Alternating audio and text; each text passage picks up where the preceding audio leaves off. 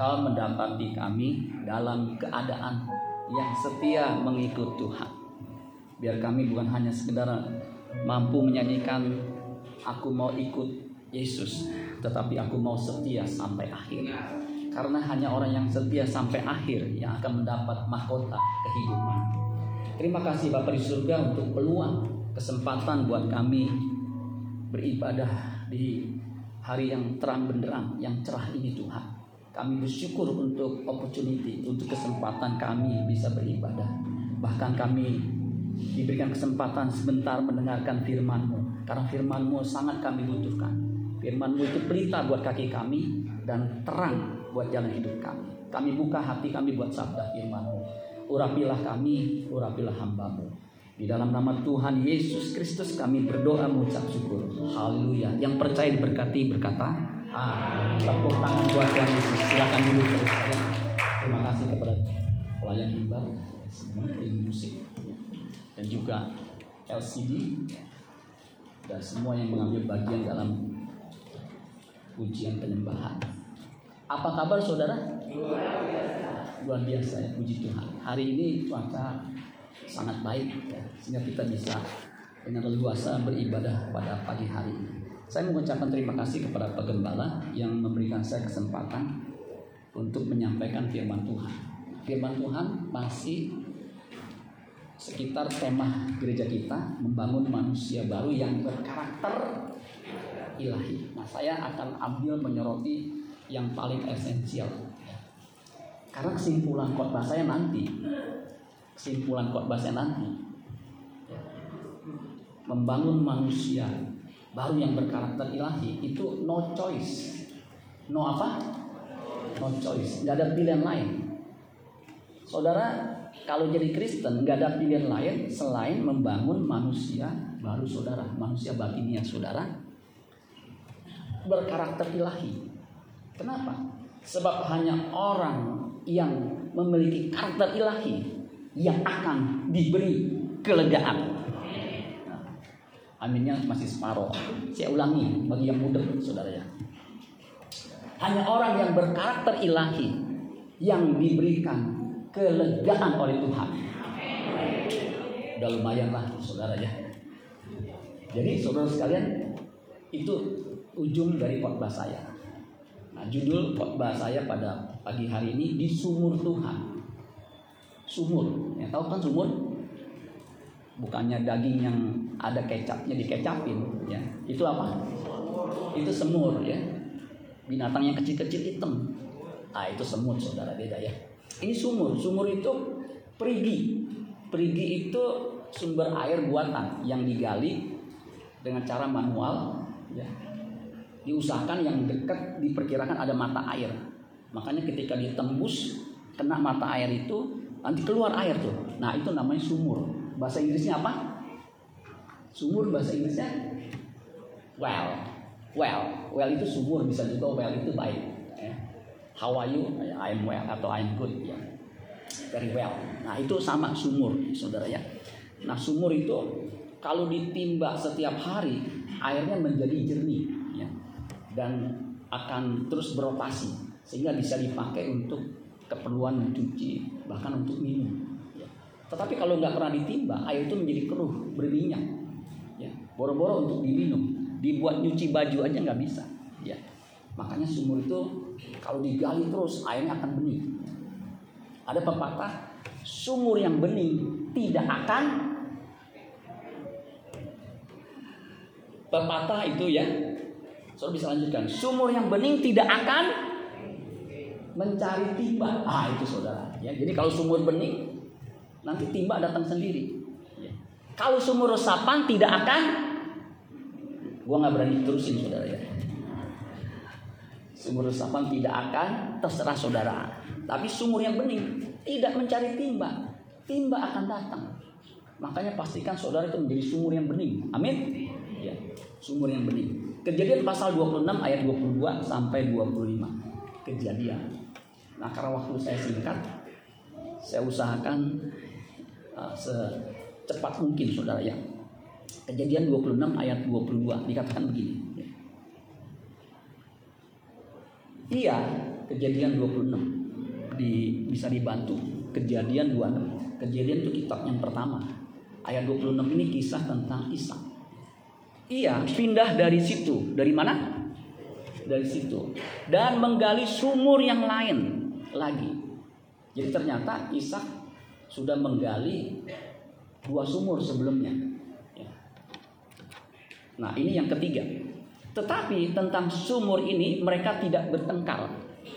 Kenapa? Sebab sumur dua sumur sebelumnya itu ketika digali bertengkar.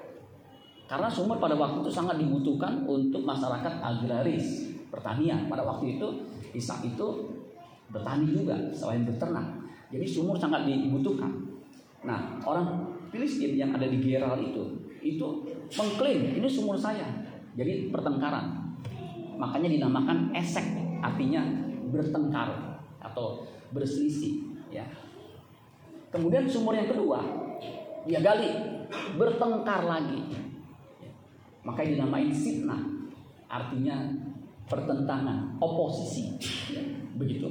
Nah ini tentang, tetapi tentang sumur ini, sumur yang ketiga ini, mereka tidak bertengkar.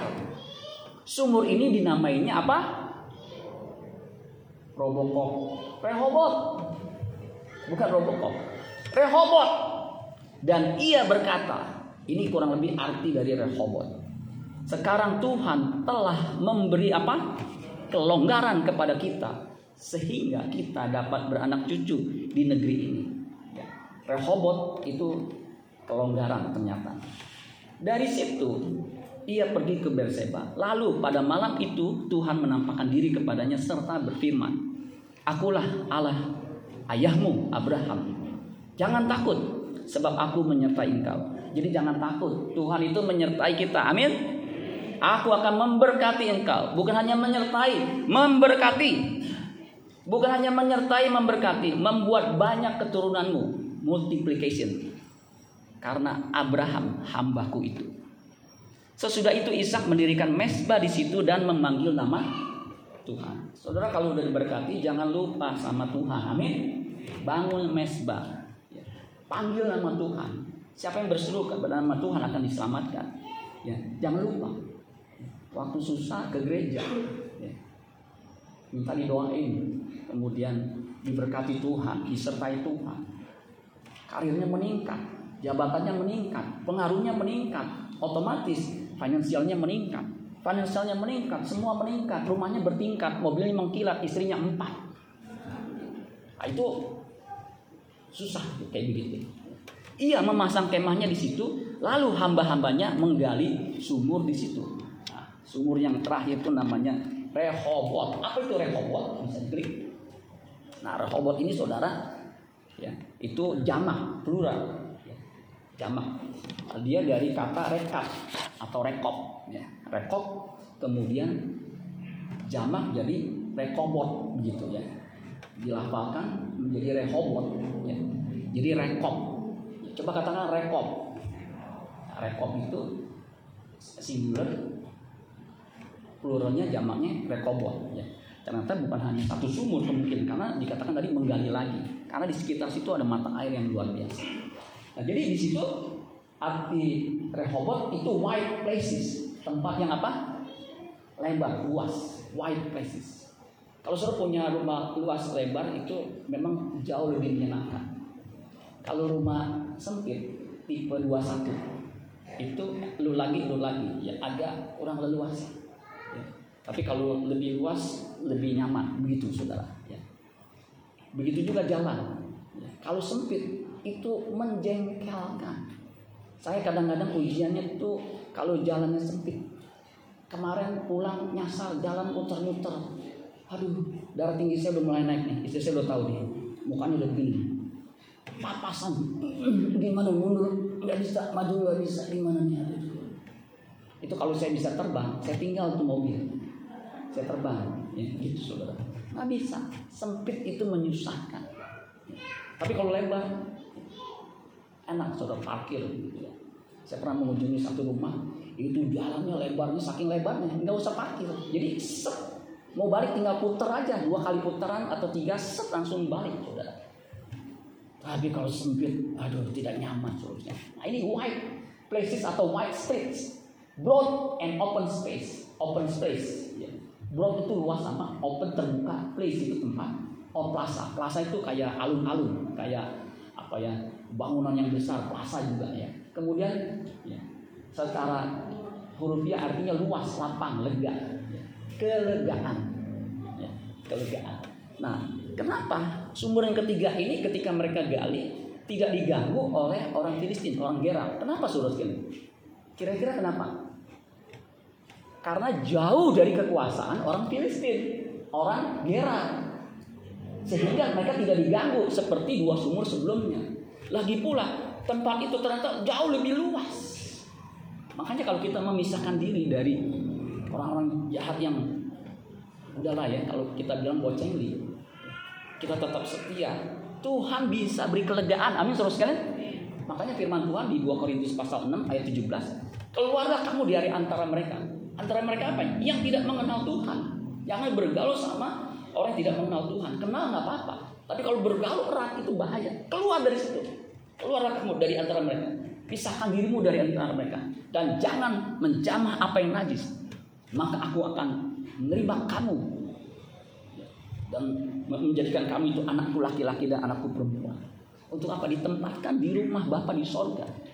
Ya, ah, ini luar biasa seterusnya. Kata Rehobot di situ dikatakan kelonggaran. Nah itu sama tadi saya katakan dari kata rekap atau rakap. Rakap itu sama artinya. Coba bisa diklik. Ibraninya rakap itu kelonggaran. Ya. Kalau jamak jadi rekobot. Artinya to grow wide. Bertumbuh menjadi besar. Ya. Uh, seperti kita, kita ketika uh, Yohanes mengatakan dia semakin besar, aku semakin berkurang. Artinya kita harus semakin bertumbuh dalam mengenal Tuhan, ya.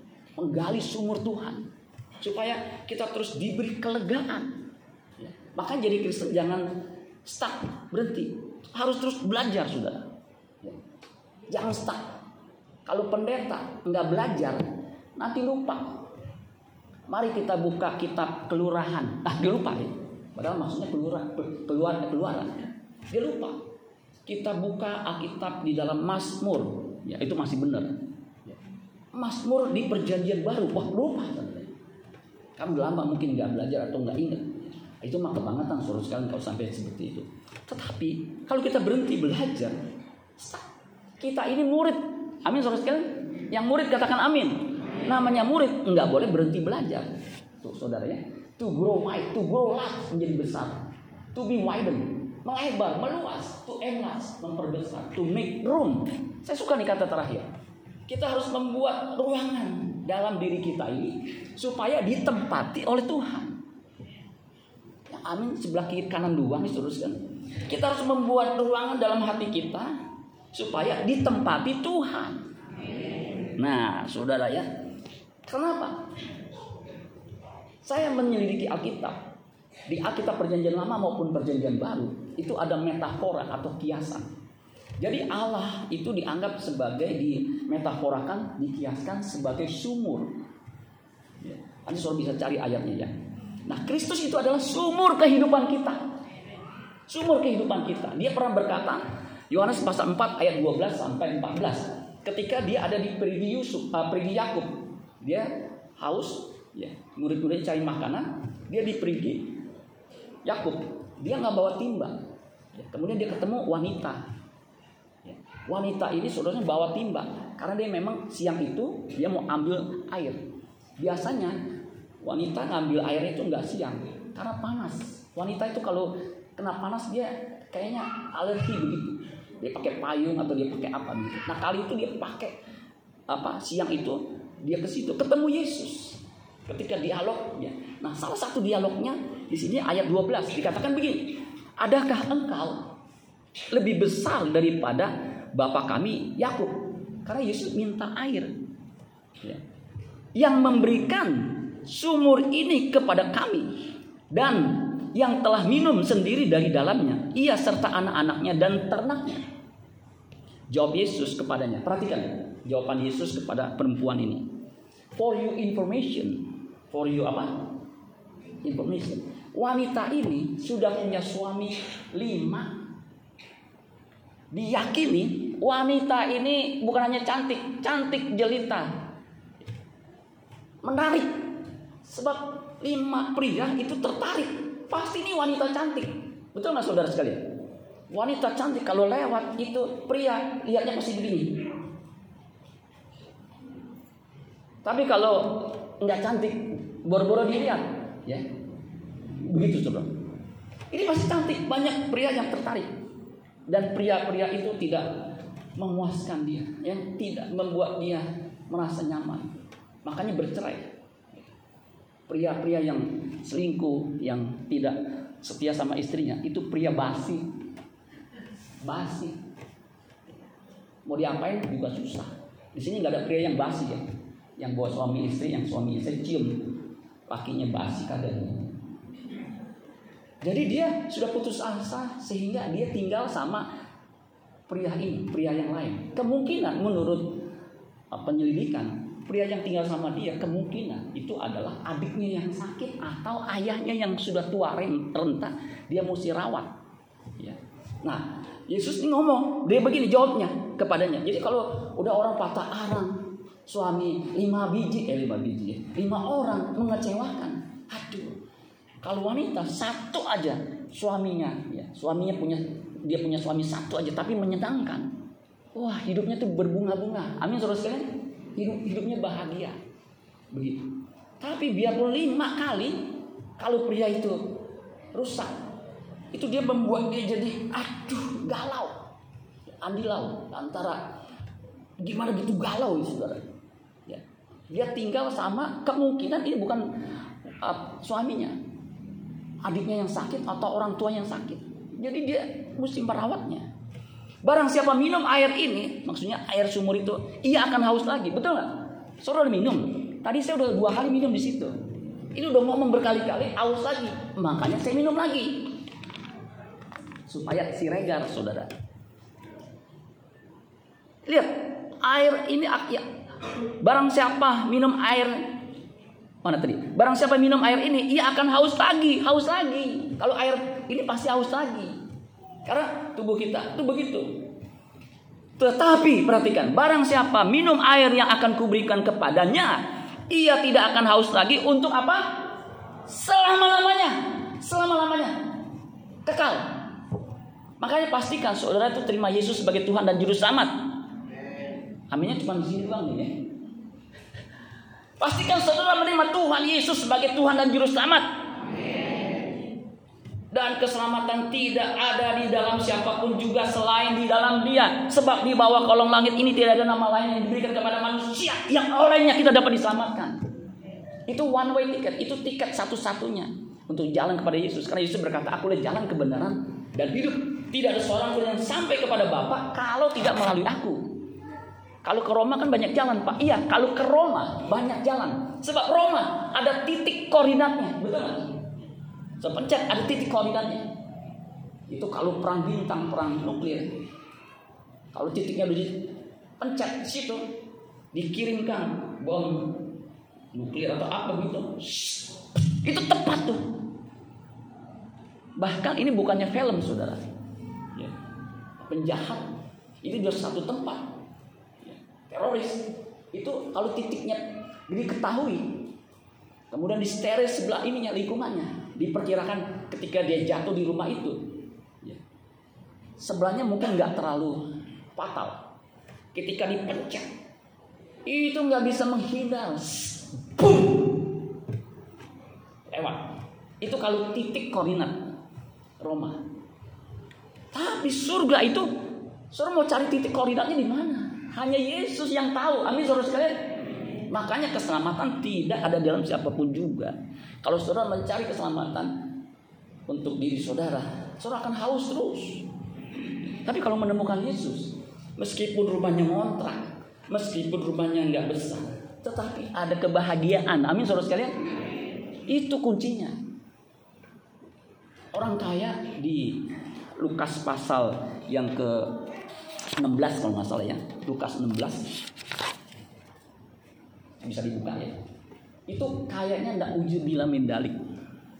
Kalau menurut catatan yang saya pelajari ya, orang kaya itu ya seperti dia ini kekayaannya tujuh turunan delapan tanjakan sembilan tikungan sepuluh solokan tidak akan habis-habis biarpun di poya-poya saya pernah mengunjungi rumah seorang kaya pilar ininya nih mungkin tiga orang nggak bisa meluk besar sekali saya ini pasti kaya luar biasa ya sebab apa untuk merawat rumah yang besar begitu itu kan butuh pembantu minimal lima saudara yang kebun, yang kolam renang, yang ngepel, yang nyuci, yang segala macam. Ya, begitu. Nah, orang kaya ini eh, belum ya. Oh, di Lukas pasal 16 mulai ayat yang ke 19 kalau masalah. Ya, sambil diceritain saudara bisa lihat. Nah, jadi saudara sekalian, orang kaya ini selalu berpakaian jubah umum, kain halus. Ya, saya ini baru pertama kali pakai jas ini, ya. saudara. Ada yang berkomentar lebih mudah 30%. Nah, ini bukan kain halus yang mahal ya. Yang online. Ini kain halus jubah umum, itu jubah kebesaran, bukan jubah kegedean, jubah orang-orang yang the have gitu ya. Setiap hari bersukaria dalam kemewahan. Soalnya kalau setiap hari bersuka cita dalam kemewahan, kemewahan itu kok kosnya gede. Ya. Kalau saudara pesta di hotel, itu kan satu orang itu biayanya mahal. Ini dia setiap hari. Kemudian ada seorang pengemis, Lazarus badannya borok. Ya, penuh borok, bukan penuh tato saudara. Ya, kemudian apa? Lapar, mau makan. Malah anjing-anjing seorang kaya ini yang jilatin anjingnya. Dia tidak peduli. Nah, apa yang terjadi saudara sekalian? Orang miskin mati. Orang kaya bisa mati nggak? Bisa. Pendeta bisa mati nggak? Bisa. Jangan bilang lebih cepat pak. Jangan saudara sekalian. Semua bisa mati. Orang kaya juga mati. Coba lihat tuh. Orang kaya itu juga tuh ayat berapa tuh? Juga mati. Saya pernah di penguburan, judulnya juga mati. Begitu saudara Juga mati. Yang dikubur orang kaya pak, ya biasa aja. Saya bilang orang kaya juga mati, orang miskin, apalagi. Sebenarnya enggak juga, orang miskin bisa lebih lama saudara sekalian. Nggak mati-mati ya. Jadi orang kaya itu juga mati lalu dikubur. Di mana Pak? Enggak tahu. Kalau di orang kaya yang di sini mungkin di San Hill yang satu kuburannya itu bisa 7 M. Dan sementara ia menderita sengsara. Sengsara. Dia di sini bersukaria minum, makan, udah dugem, wah karena hartanya banyak. Sengsara. Apa yang terjadi? Ia menjadi sengsara di alam maut. Ia memandang ke atas dan dari jauh dilihatnya Abraham dan Lazarus duduk di pangkuannya. Lalu ia berseru katanya, Bapak Abraham, kasihanilah aku. Suruhlah Lazarus supaya ia mencelupkan ujung jarinya ke dalam air dan menyejukkan lidahku sebab aku sangat kesakitan dalam nyala api ini. Jadi seharusnya orang yang tidak punya rasa haus, tidak mencari sumur Tuhan, dia akan mengalami kehausan untuk selama-lamanya di neraka jahanam. Makanya pastikan saudara menemukan Tuhan walaupun sulit, ada tantangan. Emang orang yang mau beribadah kepada Allah itu banyak tantangannya, banyak penderitaannya. Tetapi kalau sudah menemukan, sudah akan mendapat kelonggaran. Amin saudara sekalian. Kelegaan. Kelegaan seperti ini nggak bisa dibayangkan. Orang kaya ini di dunia itu nyaman. Saya ikut ada acara reuni di hotel berbintang itu begitu banyak ya yang ruang-ruangan yang ada pestanya mobilnya bagus-bagus luar biasa ya makannya enak-enak ya saya bilang ini mah orang-orang kaya begini apa dia ingat Tuhan ya? Nanti saudara di alam maut kalau kita nggak menemukan Tuhan, nggak mendapatkan sumur Tuhan, nggak minum daripadanya dari dalamnya, dia akan merasakan kehausan. Kehausan orang kaya di sini bukan kehausan akan air, bukan. Kehausan akan Tuhan itu di neraka saudara. Neraka itu bukan sehari dua hari, seminggu dua minggu, sebulan dua bulan, setahun dua tahun, selama lamanya. Makanya Kehidupan kekal itu mesti dipikirkan sekarang. Cari Tuhan. Amin. Seek first the kingdom of God and His righteousness, and all these things shall be added to you. Bahasa Inggris sedikit walaupun dan seterusnya.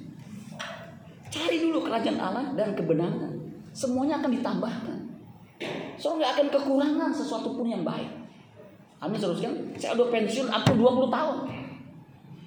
Enggak kekurangan tuh. Memang enggak seperti dulu ya.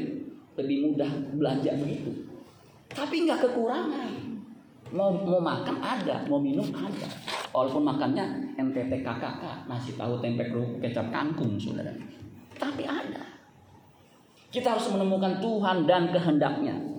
Itu adalah sumur kehidupan kita. Amin, saudara sekalian. Kalau pada waktu itu sumur itu sebagai rezeki, ya karena butuh. Untuk apa? Untuk pertanian. Tetapi kehendak Tuhan dan pekerjaannya itu menjadi rezeki kita. Di Yohanes pasal 4 ayat 34, maka kata Yesus kepada mereka itu, adapun rezekiku, ini terjemahan lama. Adapun rezekiku yaitu melakukan kehendak Dia yang menyuruh aku dan menyempurnakan pekerjaan. Jadi bagi bagi kita yang percaya rezeki Tuhan rezeki itu bagi kita itu apa saudara? Melakukan kehendak Bapa, bukan yang lain. Makanya kita makan, kita minum atau melakukan yang lain, lakukan untuk kemuliaan Allah. Itu kehendak Bapa di surga. Soal bekerja, soal apa pun. Itu melakukan kehendak Bapa di surga. Nah, siapa yang diberi kelegaan? Di Matius pasal 11 ayat 28 sampai 30. Nah, siapa yang diberi kelegaan? Ah, PPT-nya bisa diikutin ya. Siapa yang diberi kelegaan? Matius 11 ayat 28. Di situ ada ya. Matius 11. Nah, klik selanjutnya. PPT-nya aja, PPT. Nah, uh, klik yang ada Matius 11 ayat 28. Siapa yang diberi kelegaan? Tulisannya siapa yang diberi kelegaan? Ya, next ya. Nah, siapa yang diberi kelegaan? Ini pertanyaannya. Kalau saudara ngikuti khotbah saya, ya saudara udah bisa nebak-nebak. Tadi saya udah singgung-singgung. Ya. Karena dalam diri kita itu ada rongga kosong yang tidak bisa diisi oleh apa pun dan siapa pun kecuali Tuhan. Makanya orang kaya itu ketika dia mengisi kehidupannya dengan kekayaan, dengan harta benda, makin dia cari, makin kurang. Coba aja saudara. Saudara bisa target, ya, harus punya uang 5M. Nanti udah ketemu 5M, ya 5M masih sedikit ternyata. Nggak bisa beli pulau tuh saudara. Saya mesti punya 5 triliun. Pas punya 5 triliun, ya sedikit. Bagi kita mungkin banyak. Kalau yang udah punya 5 triliun sedikit, dia pengen kaya lagi. Even the world is not enough. Sekalipun dikasih dunia, nggak cukup. Kenapa? Rongga kosong itu nggak bisa diisi oleh kekayaan, oleh wanita. Salomo itu istrinya apa kurang di dunia ini nggak ada yang punya istri seperti Salomo. Tahu nggak istrinya berapa? Guningnya berapa? Istrinya 700, guningnya 300, totalnya 1000. Ketemu istrinya hari ini, ketemu lagi tiga tahun yang akan datang. Make upnya udah beda, skincare-nya mungkin udah ganti. Karena tiga tahun. Ah, apa kurang banyak tuh istri? Kekayaannya, waduh emasnya bertonton. Kalau sekarang mungkin kendaraannya bukan hanya Lamborghini, bukan hanya Ferrari, bukan hanya Bentley. Itu semua kendaraan mewah-mewah yang satu mobil itu bisa 20 M. Dia miliki. Dia nggak akan pernah puas. Saudara berapa banyak? Kalau saudara pergi dengan mobil, berapa banyak mobil saudara? Paling satu, kemudian ada forwardernya, kemudian ada yang ngiringin, lima lah. Tapi ada orang yang punya koleksi mobil bisa seribu, saudara saya bingung tuh. Bagaimana merawatnya tuh? Nggak akan pernah puas. Tapi kalau rongga kosong itu diisi oleh Tuhan, kita akan mengalami kepuasan. Nah, siapa yang diberi kelegaan? Matius 11 ayat 28 dikatakan, Marilah kepadaku semua yang letih lesu dan bebeban berat. Aku akan memberikan kelegaan kepadamu. Nah, letih lesu beban berat di sini bukan hanya soal-soal yang jasmani. Belum kawin nih gue jadi berat nih. Ditanya mulu, umur udah 35, lu kapan kawin? Aduh, males dah gue ketemu begitu. Jadi beban. Ketika ketemu cowok ganteng, cowok ganteng, wih ganteng, baik, tinggi, besar begitu, duitnya banyak. Ah, dapat kelegaan. Enggak taunya ketika menikah, yang cowok ganteng ini ternyata ya hatinya busuk, jahat, saudara. Enggak lega lagi. Aduh, rumah gue sempit banget nih. Rumah ukuran RSSSS, rumah sangat sederhana sekali sehingga sonjolnya susah sekali. Masih mending rumah gua RRRRS, rumah rusak dari rombeng, resiko untuk sewaktu-waktu. Sempit gua enak deh begitu, nggak lega. Ketika diberkati rumahnya luas, tipe 21, dua lantai, satu kolam renang, wis, lega. Belum tentu. Kalau di situ ada pertengkaran, ada piring terbang, ada UFO, apa nyaman itu rumah yang lega begitu? Nggak nyaman. Jadi siapa yang diberi kelegaan? Ternyata, saudara, kalau kita lanjutkan, pikulah kuk yang kupasang dan belajarlah padaku. Karena aku lemah lembut dan rendah hati. Dan jiwamu akan mendapat ketenangan. Ada kelegaan, ada ketenangan. Sebenarnya itu satu kata yang sama. Anapauso, anapauo. Sebab kuk yang kupasang itu enak dan bebanku pun ringan. Jadi siapa? Kalau suruh baca konteksnya ayat sebelumnya, ini kan ayat 28, ayat sebelumnya 25, 26, 27. Itu ternyata siapa? Yang akan diberikan kelegaan sih uh, uh, ke, apa, oleh Tuhan. Siapa? Ketika kita berdiri lelah, berusaha menggali sumur Tuhan, mengenal Tuhan dengan sungguh-sungguh, kita akan diberi kelegaan. Amin teruskan. Karena siapa yang akan hidup kekal? Yohanes pasal 17 ayat 3. Mereka yang mengenal Bapa di surga itu diberi hidup kekal. Jadi kalau kita nih, ini bagus nih. Saudara datang onsite yang yang on, yang online juga nggak masalah kalau memang tidak memungkinkan. Pak Gembala berkali-kali mengatakan kalau bisa jalan ke gereja, jalan.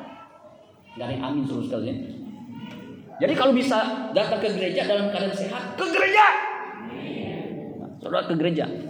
Kalau nggak kepepet, jangan dulu sehat tapi nggak ke gereja. Kalau Oma Irama bilang terlalu. Beda kalau onsite begini. Saudara, pendeta aja khotbah onsite sama khotbah online itu ada sedikit beda. Bedanya apa? Kalau onsite seperti ini, saya nggak bisa pakai celana pendek. Sebab apa? Kalau kayak saya keluar begini ketahuan celananya apa kakinya cungkring gitu saudara. Kalau online mungkin ribet ya kalau pakai celana panjang segala macam. Juga kalau kalau online kita lagi dengerin khotbah begitu ya, apalagi khotbahnya mulai ngantuk gitu. Ting ting ting ting ting, ting apa tuh ya begitu saudara. Nggak bisa konsen. Makanya sebisa mungkin datang onsite. Ada gereja yang ibadah online di YouTube ditutup. Kenapa? 10% sampai 20% nggak mau balik, udah nyaman sambil makan kacang. Pak Cecep nih baru nih tajas ini, di ngoceh gitu saudara sekalian. Kalau sini kan nggak berani kan? Ada tetangganya saudara. Jadi datang beribadah cari Tuhan, amin. Selama ia berkenan ditemui, cari dia. Reguk sumurnya itu. Saudara tidak akan haus lagi untuk selama-lamanya. Tepuk tangan buat Tuhan itu. Jadi kalau saya boleh simpulkan, siapa yang diberi kelegaan? Mereka yang mau mengenal Bapak, yang mau hidup suci, yang akan mendapat kelegaan. Kelegaan di sini itu sebenarnya satu kata dengan Ibrani 3 ayat 18 perhentian. Coba bisa dibuka saudara ya. Dicari di Alkitab. Ibrani 3 ayat 18 itu sebenarnya satu akar kata. Ya, sama dengan kelegaan, kelonggaran atau ketenangan. Ya. Bisa ketemu saudara? Ya. Ah, siapa yang telah ia sumpahi? Ia yaitu Tuhan. Nah, istri saya pernah sampaikan di WBI bahwa mereka tak akan masuk ke tempat perhentiannya, tempat yang lega, yang longgar di mana kita oh, begitu nyaman. Itu rumah Bapa di sorga. Itu perhentian akhir. Perhentian yang tidak ada lagi kegiatan yang kita lakukan selain menyukakan hati Bapa di sorga. Makanya selama kita di bumi ini, kita harus mencari Tuhan, menemukan Dia, melakukan kehendaknya, supaya kita bisa diberi kelegaan selama-lamanya. Itu nggak ada pilihan lain, saudara sekalian. Makanya benar, hanya orang berkarakter ilahi. Berkarakter ilahi itu apa, saudara? Orang yang melakukan kehendak Bapa di surga seperti Yesus. Makananku ialah melakukan kehendak Dia yang mengutus aku dan menyelesaikan pekerjaannya. My food is to do the will of Him who sent me and to finish His work. Begitu saudara sekalian. Siapakah yang ia sumpahi bahwa ia akan masuk ke tempat perhentian? Bukankah mereka yang tidak taat? Jadi kalau kita tidak taat melakukan kehendaknya, Tuhan sumpahi. Kalau Tuhan sumpahi terjadi nggak saudara sekalian? Saya takut kalau orang tua itu menyumpahi. Kalau nyumpainya baik sih masih mending. Gue sumpahi lu kaya tujuh turunan tuh. Wah itu enak saudara sekalian. Kalau gue sumpahin lu jadi tiang listrik, waduh itu ngeri susah. Kita kan tahu hikayat tentang maling kundang itu disumpai jadi ba batu.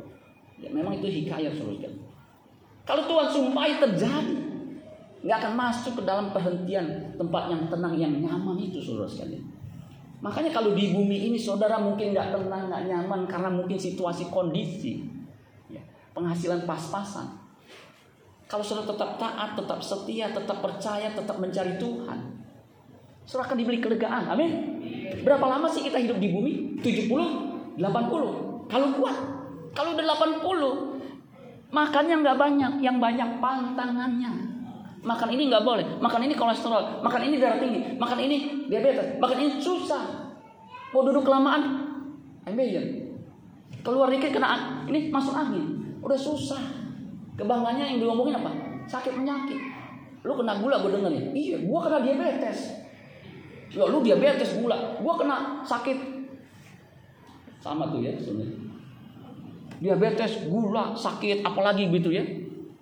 Itu paling mengerikan teman saya sama-sama bekerja di tempat yang sama itu itu meninggal tadi saya pikir karena kelelahan cirrhosis hati kemarin anak buahnya ketemu sama saya dia bilang enggak dia kena diabetes. Diabetes itu mother of sickness. Ketika kena diabetes kam kam kam kam pada datang semua. Penyakit pada berondo-rondo menemui dia. Sehingga ketika dia capek sedikit begitu dia kolaps meninggal. Hari Kamis yang lalu Bapak Pendeta Paulus Pujianto korban di KPBI. Tadinya saya nggak tahu bahwa dia stroke. Dia kena stroke seterusnya. Dia udah menjaga kesehatan. Saya tahu. Olahraga rajin seterusnya. Saya bilang kok bisa kena pak? Pikiran saya pak. Waduh. Udah banyak pikiran kena tipu segala macam sehingga tiba-tiba diabetes muncul, kolesterol naik, kemudian segala macam. Pas bangun, nggak bisa bangun, separoh lumpuh. Waduh, dia pikir mungkin kelelahan. Dia tunggu hari esoknya, dokter bilang terlambat. Jadi mesti dirawat, aduh, udah habis-habisan. Ya. Jadi kita ini lemah, saudara sekalian. Kita pada akhirnya akan kembali kepada Tuhan. Makanya sebelum kita kembali kepada Tuhan, temukan sumur Tuhan itu. Amin, saudara sekalian. Supaya saudara diberi kelegaan jadi siapa yang diberi kelegaan? Kalau saya boleh simpulkan, boleh nggak saya simpulkan? Boleh saya yang khotbah seterusnya. Yang mendapatkan anak pauo atau anak pauso atau kelegaan. Slide yang terakhir aja. Ya. Yang ada tiga itu. Yang pertama, mereka yang lapar dan haus akan kebenaran. Matius 5 ayat 6. Mereka yang lapar dan haus akan kebenaran akan dipuaskan.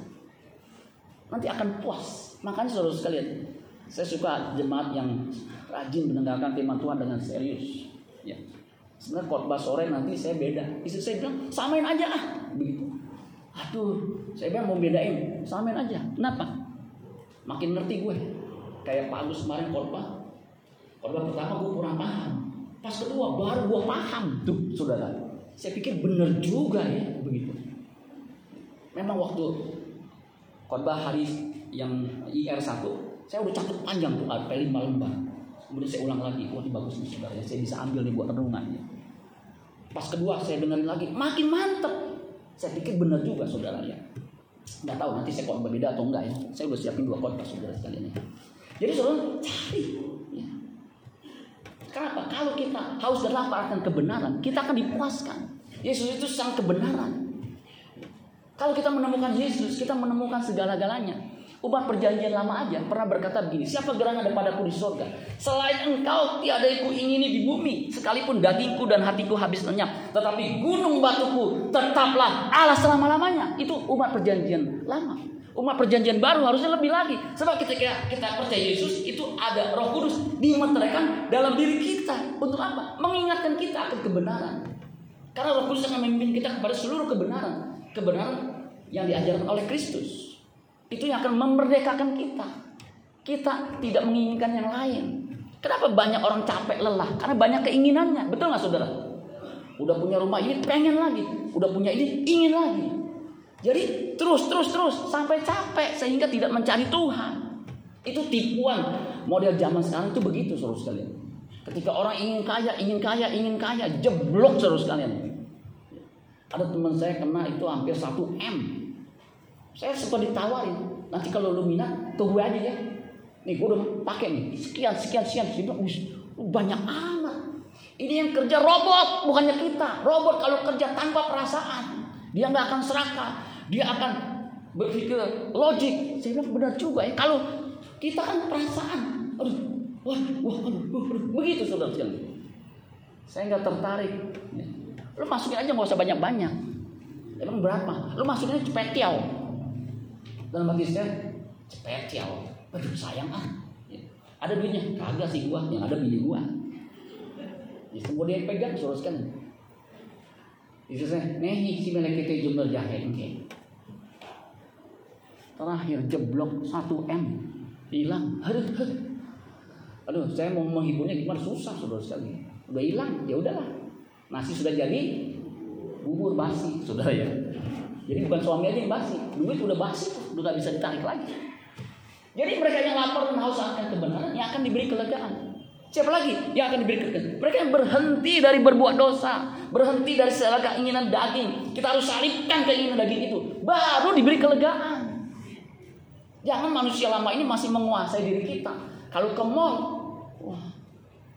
Mall, mall, mall, I want mall, mall. Di mall itu kita tidak bisa melarang wanita pakai rok mini atau celana gemes. Enggak bisa. Jadi kita lihat nih, tinyut, nyut, tinyut, gitu. Itu keinginan tuh bahaya soal sekali. Kemudian pikirin di bawah, aduh, aduh. Kita lihat, aduh, celana gemes, aduh, rok mini. Kita lihat istri saya, aduh, aduh, banget sih, aduh. Itu bahaya keinginan demi keinginan.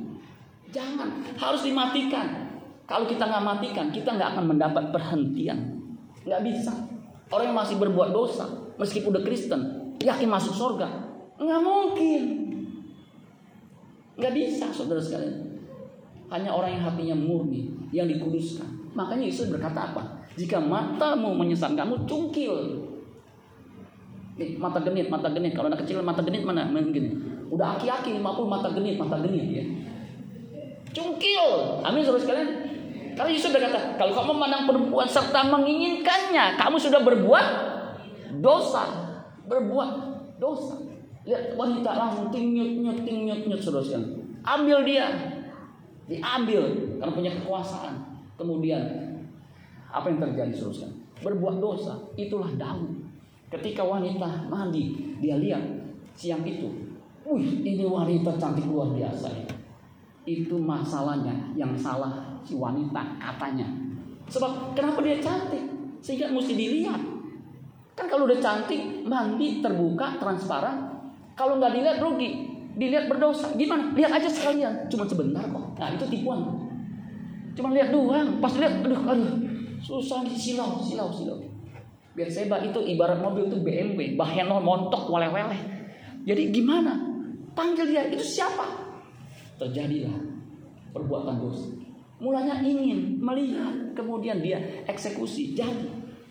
Bukan hanya dia berzina dengan istri orang, dia bunuh suaminya. Ah, itu luar biasa seluruh sekalinya. Dosa dilakukan oleh raja yang urapannya tiga, urapan raja, imam, dan nabi. Bisa melakukan seperti itu. Bisa. Pendeta muda aja bisa membunuh. Jadi kita sendiri yang harus menghentikan itu. Ketika kita lihat orang mandi, langsung melengos. Amin. Tinggalkan dalam nama Yesus. Tinggalkan. Mudah nggak Pak? Susah. Pria ini lemah di mata, betul nggak? Beda sama wanita. Wanita itu lemahnya di telinga, di mata dia enggak. Coba aja. Kalau pria mandi, dia enggak enggak begitu mengindahkan. Apalagi kalau pria pakai rok mini, eh geli lah. Ngapain dilihatnya gitu? geli gitu saudara saya aja kalau lihat pria yang kalau di lampu merah gitu mas mas mas papa rasa cinta rasa aduh saya saya ngeri deh daripada saya dia apa rasa cinta itu duit banyak cebanan dua dua kadang-kadang daripada gue direjeng betul nggak memang gue nggak ganteng-ganteng banget tapi kan kalau dilihat begini wah klimis begitu nih aduh gue rejeng juga lu rasa cinta Makanya harus berhenti. Kita yang menghentikannya. Amin saudara sekalian. Karena manusia lama ini kalau nggak dihentikan itu mendatangkan murka yang membuat kita binasa. Nggak akan mendapat kelegaan. Makanya jangan ditipu. Nanti kasih karunia darah Yesus akan menutupi kita. Tetapi kejahatan masih ada dalam diri kita. Dengan segala pembelaannya. Nggak bisa. Nanti di pengadilan Kristus. Saudara yang punya kedudukan tinggi, yang kaya. Itu akan culun. Betul nggak? Di pengadilan dunia aja. Kalau saya lihat sidang pengadilan. Tadinya pejabat. Yang kalau dia ngomong. Dehem aja itu orang ngerti. itu ya dua kali udah ngerti.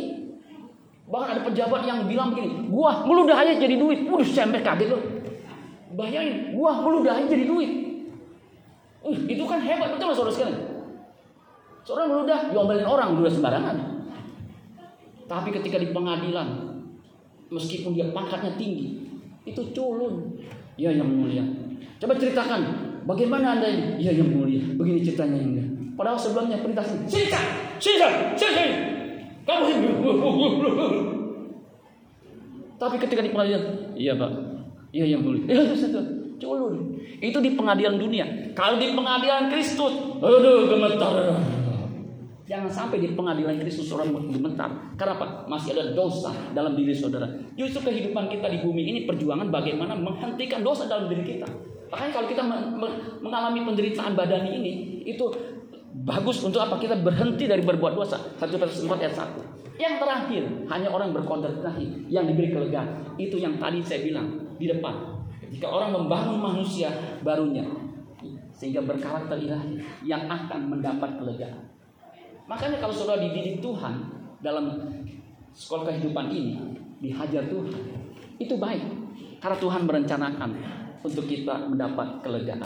Amin buat firman Tuhan. Tuhan Yesus memberkati. Tepuk tangan buat Tuhan Yesus. Saya kita bangkit berdiri.